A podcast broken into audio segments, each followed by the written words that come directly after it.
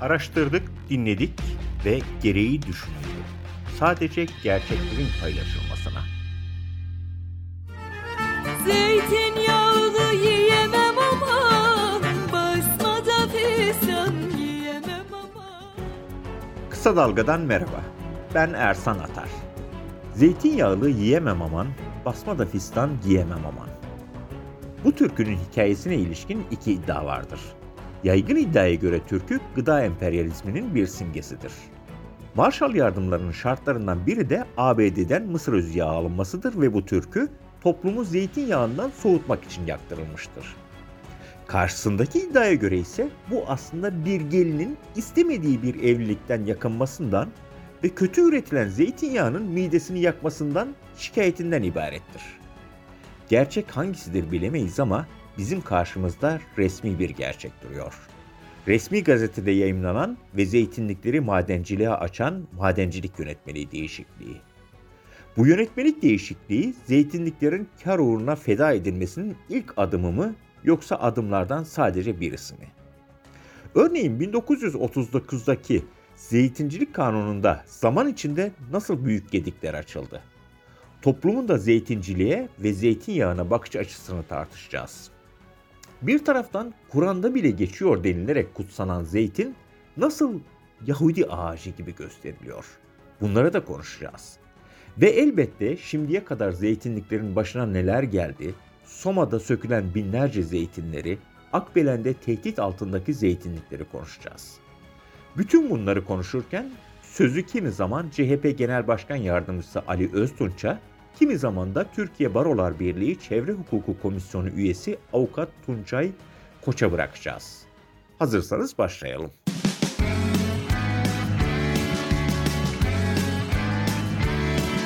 Kulağınız bizde olsun. Kısa Dalga Podcast. Bu podcast'i Muğla'daki köyümden yapıyorum. Annemin evinin penceresinden görünen zeytin ağaçlarının üzerine ince ince yağmur düşüyor. 85'indeki annem rahmetli babamla beraber 70'inde bile mesela zeytin dikeceksin diyen Nazım Hikmet'i teyit edercesine diktikleri zeytin ağaçlarına bakarak bu yıl yağmur iyi yağdı, seneye zeytin güzel olur dedi. Ege şivesiyle anlamışsınızdır ama yine de tekrarlayalım. Bu yıl yağmur iyi yağdı, seneye zeytin güzel olur. Duygulandım, yerime oturdum ve cep telefonumla ilgilenmeye başladım. O sırada WhatsApp grubumuzdan Defne Yoluç arkadaşımız o günkü resmi gazeteden bir yönetmelik paylaşmış. İletiyi açtım, bu kadar olur. Enerji ve Tabi Kaynaklar Bakanlığı maden yönetmeliğinde değişiklik yapmış. Enerji Bakanlığı, Tarım Bakanlığı'nın sorumluluk sahası içindeki zeytinliklerimize el atmış. Yönetmelik, ülkenin elektrik ihtiyacını karşılamak için yürütülecek madencilik faaliyet alanlarının zeytinlik olarak tapulu alanlara denk gelmesi halinde buralardaki zeytinlerin sökülebilmesine cevaz veriyor. Kamuoyu da bir haftadır bu yönetmeliği konuşuyor ve haklı tepkisini dile getiriyor. Yönetmelik elbette oralardaki zeytinleri sökün atın diyemezdi. Kendince şartlar koşmuştu. Zeytinler sökülüp başka alanlara taşınacak, madencilik faaliyeti bittikten sonra firma o bölgeyi eski haline getirecekti.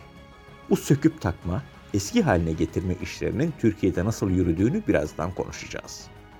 Yönetmelik değişikliğini inceledikten sonra başlangıçta bir bukle dinlettiğimiz o tartışmalı türkü aklıma geldi. Zeytinyağlı yiyemem aman, basma da fistan yiyemem aman. Kimilerine göre her şeyi anlatan bu türküydü. Devletin zeytinciliğe bakışını da, emperyalizmin Türkiye'deki tarımsal değerleri sömürmesini de bu türkü anlatıyordu. Birazdan bu türkünün günahının alındığına ilişkin görüşleri de aktaracağız ama önce türküye kahir çoğunluğun görüşüne göre bakalım. Türkü 1954 yılında Bursa yöresinden derlenir. Muğla, Manisa, Aydın, Hatay, Antep gibi zeytin diyarı Bursa'dan. O dönemde Türkiye ABD'den Marshall yardımları almaktadır. Bu yardımların askeri, ekonomik, kültürel birçok koşulu vardır. Tarımsal koşullar arasında da ABD'nin Türkiye'ye mısır özü yağı vermesi gelmektedir. Ne var ki o dönemde özellikle Marmara, Ege, Akdeniz ve Güneydoğu'da zeytinyağı tüketimi fazladır. Yani zeytinyağı tüketim alışkanlığı ABD'nin pazarını daraltmıştır. İşte bu türkü toplumdaki zeytinyağı tüketim alışkanlığının kırılması için derlenmiştir. Bu tezin ABD karşıtlığının bir yansıması olduğu da iddia edilir. Bu karşı tezi savunanlar, Türk'ünün Marshall yardımlarıyla hiçbir ilgisinin bulunmadığını, hatta tarihsel olarak da uyumsuz olduğunu, Marshall yardımları yapıldıktan sonra Türk'ünün değerlendiğini savunur. Bu görüşe göre Türk'ü bir gelinin istemediği bir evlilik yaptığını, gittiği bölgedeki kötü üretilen zeytinyağlarının midesini yaktığını, kocasının bulunduğu yörenin giyim şekline de ayak uyduramadığını, bu nedenle de basmadan fistan giyemem dediğini savunur. Bu tez savunanlar Türk'ü içindeki senin gibi cahile ben efendim diyemem aman sözünün de aslında Atatürk'ün köylü milletin efendisidir sözüne atıf olmadığını, kadının kocasına bir isyan olduğunu ileri sürer. Ankara Üniversitesi Ziraat Fakültesi Bahçe Bitkileri Bölümü öğretim üyesi doçent doktor Mücahit Taha Özkaya'ya göre de bu türkünün Marshall yardımları ile bir ilgisi yoktur. Podcast'imizin konusu bir türkünün hikayesi olsaydı emin olun konuyu eline boyuna araştırır ve kendi ulaştığımız sonucu sizinle de paylaşırdık. Konumuz bir türkünün hikayesi değil. Bu iddianın bize gösterdiği bir gerçek. Türkiye'de zeytincilik kırılgan bir zemin üzerinde yapılıyor. Hükümetlerin tarım politikaları ve zeytinyağı kanser yapar batılına inanan toplum kesimlerinin etkisiyle. Türkiye ilişkin her iki iddianın doğruluğunu yanlışlığını halk bilimcilere bırakalım ve resmi gerçeklere dönelim. 1937'deki Bornova Zeytincilik Araştırma Enstitüsü'nün kuruluşunu, Türkiye'nin Cumhuriyeti'nin 10. yıllarında iyi zeytincilik ve kaliteli zeytinyağı üretimi için İtalya'ya, İspanya'ya uzmanlar göndermesini de hatırlayarak milat olarak 1939'u alalım. O yıl 26 Ocak'ta bir kanun çıktı. 7 Şubat 1939'da yürürlüğe giren bu kanunun adı zeytinciliğin ıslahı ve yabanilerin aşılattırılması hakkında kanundu ve Atatürk'ün talimatıyla hazırlandığını bugünkü bilgilerimizle de net olarak biliyoruz. Bu kanunun önemini anlatmak için önce size yabanilerin aşılattırılmasının önemini anlatalım. Bu kanunun sözünü ettiği yabani zeytin Delice'dir. Delice, İskenderun'dan başlayıp Torosları takip ederek Muğla, Aydın, oradan İzmir, Balıkesir ve Çanakkale'ye kadar devam eden coğrafyada zaten var olan yabani zeytindir. Küçük ve zeytinsi bir meyve verir. Aşılandığında bildiğiniz zeytin olur. Delice genellikle dağlık ve kayalık ve taşlık alanlarda yetiştiği için bunların aşılanması sonucu elde edilen zeytine de taş arası denir ve zeytinyağı fenol değeri açısından yüksektir. Bu genel bilgiyi şimdi anlatacağımız kanunu daha somutlaştırmak için verdik. 1939'da çıkan kanun bu yabani ağacın aşılattırılması ve mevcut zeytinliklerin korunması kanunudur. Örneğin bu kanun zeytinliklerde başıboş hayvan bulundurulmasını engeller. Kanun bu yöndeki denetimi de köy ihtiyar heyetlerine, zabıtalara ve oluşturulmuş olan Zeytin Bakım Teşkilatı'na bırakmıştır. Ne var ki yasada 1995 yılında yapılan değişiklikle bu alanlar korumasız hale gelmiştir.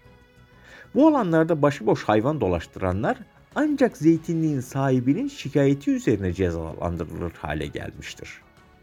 Bu değişikliğe göre bir köylü evinde otururken dağdaki zeytinliğine bir hayvan girdiğini görecek ve şikayet edecek de orada hayvan otlatan kişi cezalandırılacaktı. Artık ne kadar mümkün olursa. Bu kanuna göre köylüye belli şartları yerine getirmeleri halinde dağdaki zeytinliklerin tapusu veriliyordu ve köylü bu sorumluluğunu aldığı zeytinlikleri bakmak zorundaydı. Gereği gibi bakmazsa hem tapusu iptal ediliyor hem de ceza veriliyordu. 1995'te bu bakım zorunluluğu da ortadan kalktı. Kanundaki asıl önemli değişiklik 2008'de yapıldı. Bu değişiklik zeytinlik alanlarının imara açılmasına olanak verdi.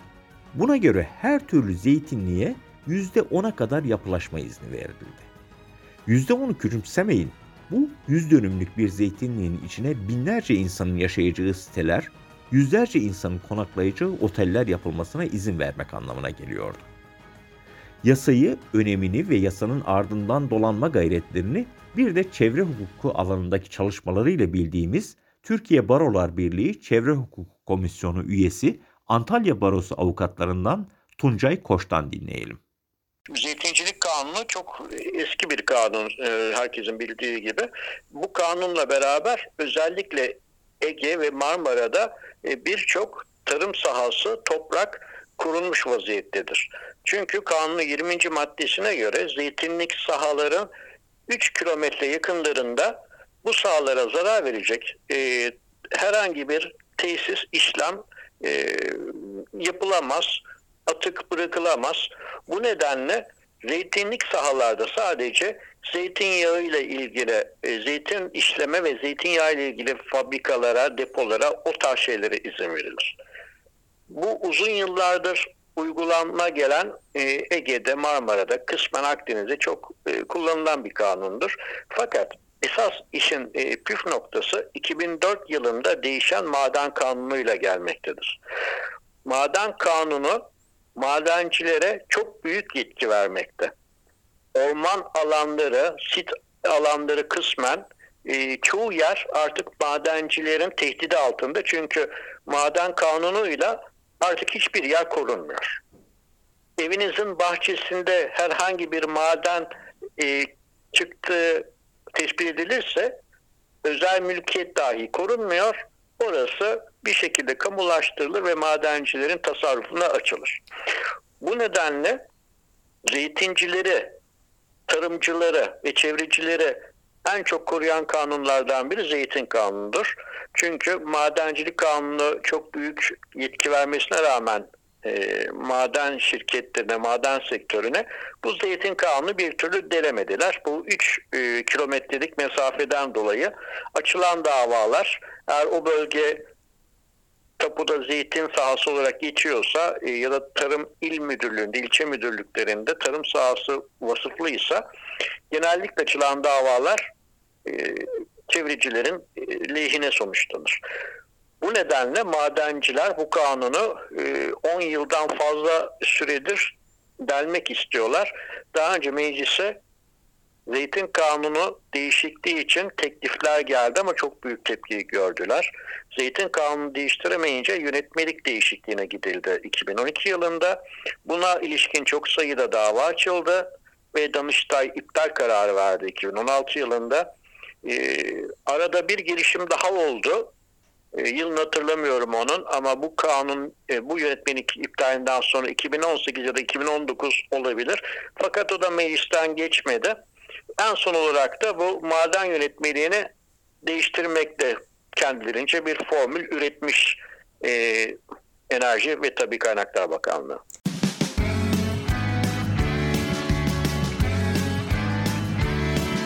Kulağınız bizde olsun. Kısa Dalga Podcast. Teşbihte hata olmaz. Hani bu artık tüy dikti denir ya. 1 Mart'ta yapılan yönetmelik değişikliği 1995 ve 2008'de yapılan yasa değişikliğinin üzerine tüy dikti. Nasıl mı? 1930'daki zeytin kanununda bir hüküm bulunuyordu. Buna göre zeytinliklere 3 kilometreye kadar yakın olan bölgelere toz çıkaran ve toprağa zarar veren atık bırakan tesisler yapılamıyordu. Bu düzenleme zeytinliğin yakınında bile örneğin kömür madeni çıkarılmasını engelliyordu. Şimdi yapılan yönetmelik değişikliğine göre ise bırakın yakınını zeytinliğin içinde bile kömür madeni çıkarılabilecek. Yönetmelik değişikliği madencilik faaliyeti yürütülecek zeytinliklerdeki zeytinlerin başka alanlara taşınması ve madencilik faaliyeti sona erdikten sonra sahanın eski haline getirilmesi gibi iki şart koşuyor. Bir zeytinci zeytin ağacının yerinden kaldırılmasının onun ölümü anlamına geldiğini iyi bilir. Bakalım bu iki şart bir hukukçuya göre ne anlama geliyor? Sözü yeniden avukat Tuncay Koç'a bırakalım. Bakın bu yönetmelik değişikliği tamamen e, kanunu delerek zeytin alanlarını tekrar maden şirketlerine verme, maden şirketlerine peşkeş çekmek için hazırlanmış e, bir yönetmelik. Aslında bunun da iptal edileceği çok açık. Bu yönetmeliği hazırlayanlar da bunu biliyordur. Yani Danıştay önceki kararları da var. Kanun açık. Bir kere yönetmelik kanunun üstünde olamaz. Bir yönetmelik maddesi değişikliğiyle siz zeytincilik ıslah kanunun üstüne çıkamazsınız. Dolayısıyla bunu hazırlayanlar da bunu biliyorlarsa neden değiştirdiler? Hali hazırda birkaç şirket zeytin sahaları içinde e, hazırlıkları vardır. Bu yönetmelikle beraber oralara izin almak ve hemen ruhsat e, almak peşindedirler. Danıştay iptal edene kadar birkaç firma o zeytinlik sahalarda e, yer elde etmek istiyordur. Çünkü ruhsatı bir kere aldıktan sonra yönetmelik iptal edilse bile geri yürümeyeceği için kazanılmış hakları doğuyor. Ve göz boyamak için de zeytinlerin başka yere taşınmasından bahsediyor yönetmelik maddesi. Böyle bir şey mümkün değil. Zeytin ağaçları taşınamaz. Hatta e, birçok ağaç bulunduğu yerden başka bir yere taşınamaz. E, o tamamen e, hükümetin her zaman yaptığı gibi bir e, göz boyaması. İşte orman kestik, işte e, 10 hektar ağaç kestiysek yerine 3 katı ağaç diktik söylemlerinin bir benzeri. Orman kesmekle yeni ağaç, yeni fidan kesmek birbirinin aynı şeyleri değildir. Cisden bir ağaç 50 yıllık, 100 yıllık, 500 yıllık olabilir ve bir orman ekosistemi içindedir. Yeni dikilenler ise sadece fidandırlar. Tutup tutmayacağı belli değildir ve orman ekosistemini kazanmamıştır. Bu şekilde de zeytin alanlarının taşınması da mümkün değildir. CHP Genel Başkan Yardımcısı Ali Öztunç, bir muhalefet partisi temsilcisi olması nedeniyle de konuyu daha keskin bir ifadeyle AKP'ye bağlıyor ve ranta işaret ediyor. Öztunç'u dinleyelim. Zeytinlik adamlar e, Türkiye'de 1939 yılında e, çıkan bir kanunla koruma altına alınmıştır. Zeytinciliğin ıslahı ve yabanilerinin aşılaştırılması e, kanunu var. Bu kanundan dolayı e, zeytinlikler koruma altındadır. Yani zeytinliklere 3 kilometre mesafede hiçbir şekilde e, herhangi bir e, zeytinyağı fabrikası dışında fabrika kurulamaz. Bu nedenle e, Türkiye'deki zeytinlik alanlar çok değerli alanlar haline gelmiştir. E, dokunulamamıştır. Yıllarca buralara hiçbir şey yapılmamıştır. Gerek Akdeniz gerek Ege sahillerinde buralar değerli araziler haline gelmiştir. Şimdi hükümet e, buraları peşkeş çekmek istiyor. Buraları rent, ranta açmak istiyor. AKP hükümeti iktidara geldiği günden bugüne kadar defalarca bu e, yasayı delmek istedi. Ancak e, zaman zaman Türkiye Büyük Millet Meclisi'nden geri döndü, zaman zaman ise mahkemelerden, yargıdan geri döndü. Ama şimdi zeytinlik alanları peşkeş çekmek için, talan etmek için, ranta kurban etmek için yönetmeliğe başvurdular. Bu zeytini talan etme yönetmelidir. Biz buna bu yüzden karşı çıkıyoruz. E, dünya zeytine değer veriyor. Zeytin e, bizim için çok değerlidir, e, kıymetlimizdir.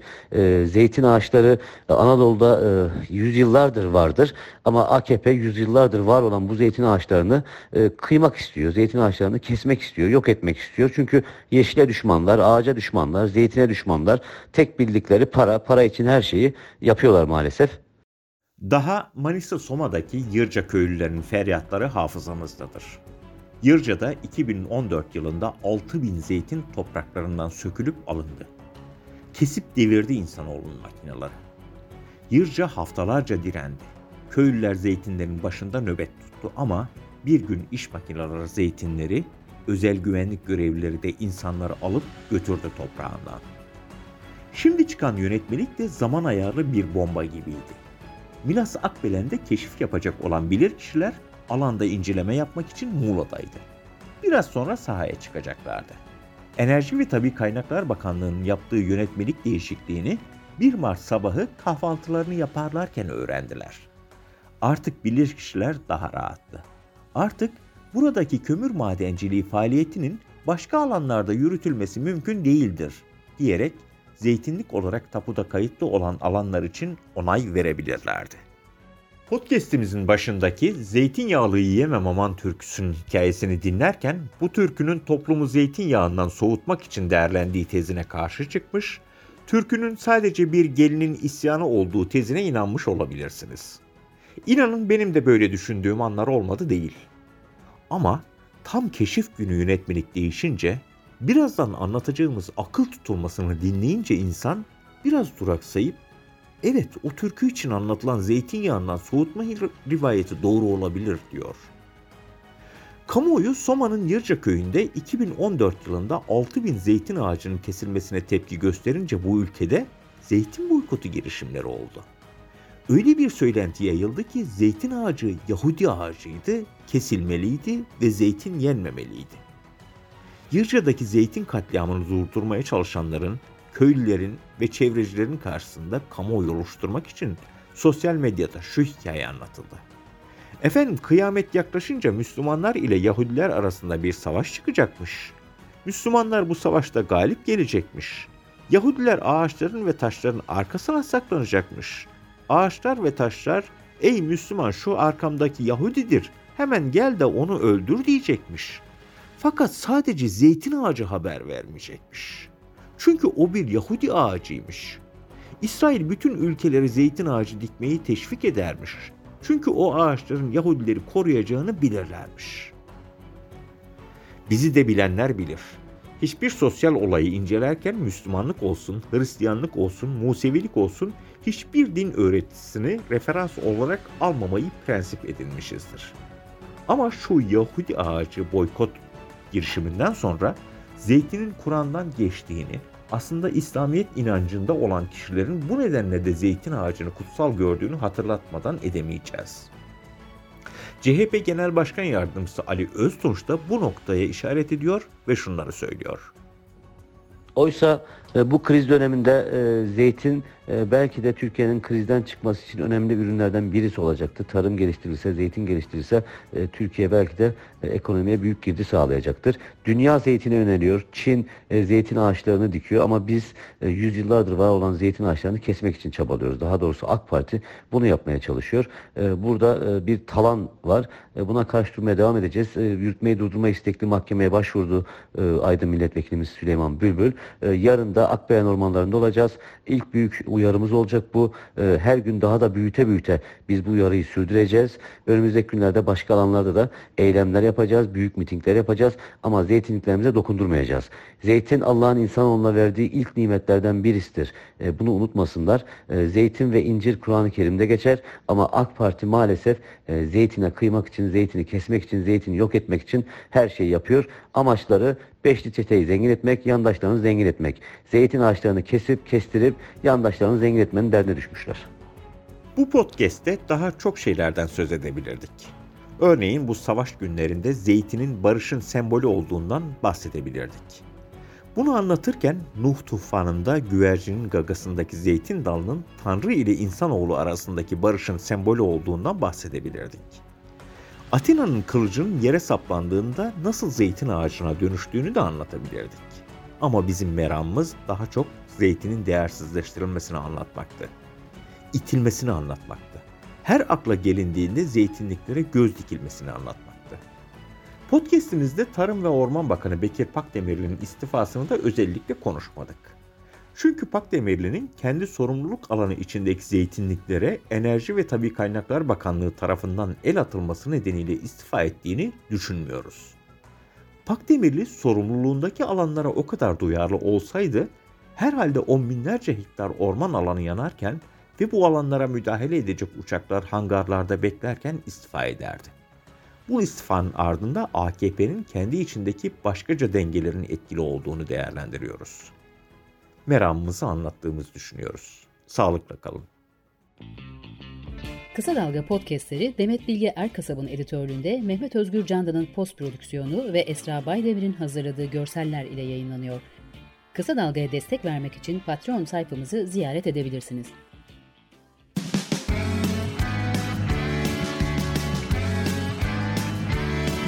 Kulağınız bizde olsun. Kısa Dalga Podcast.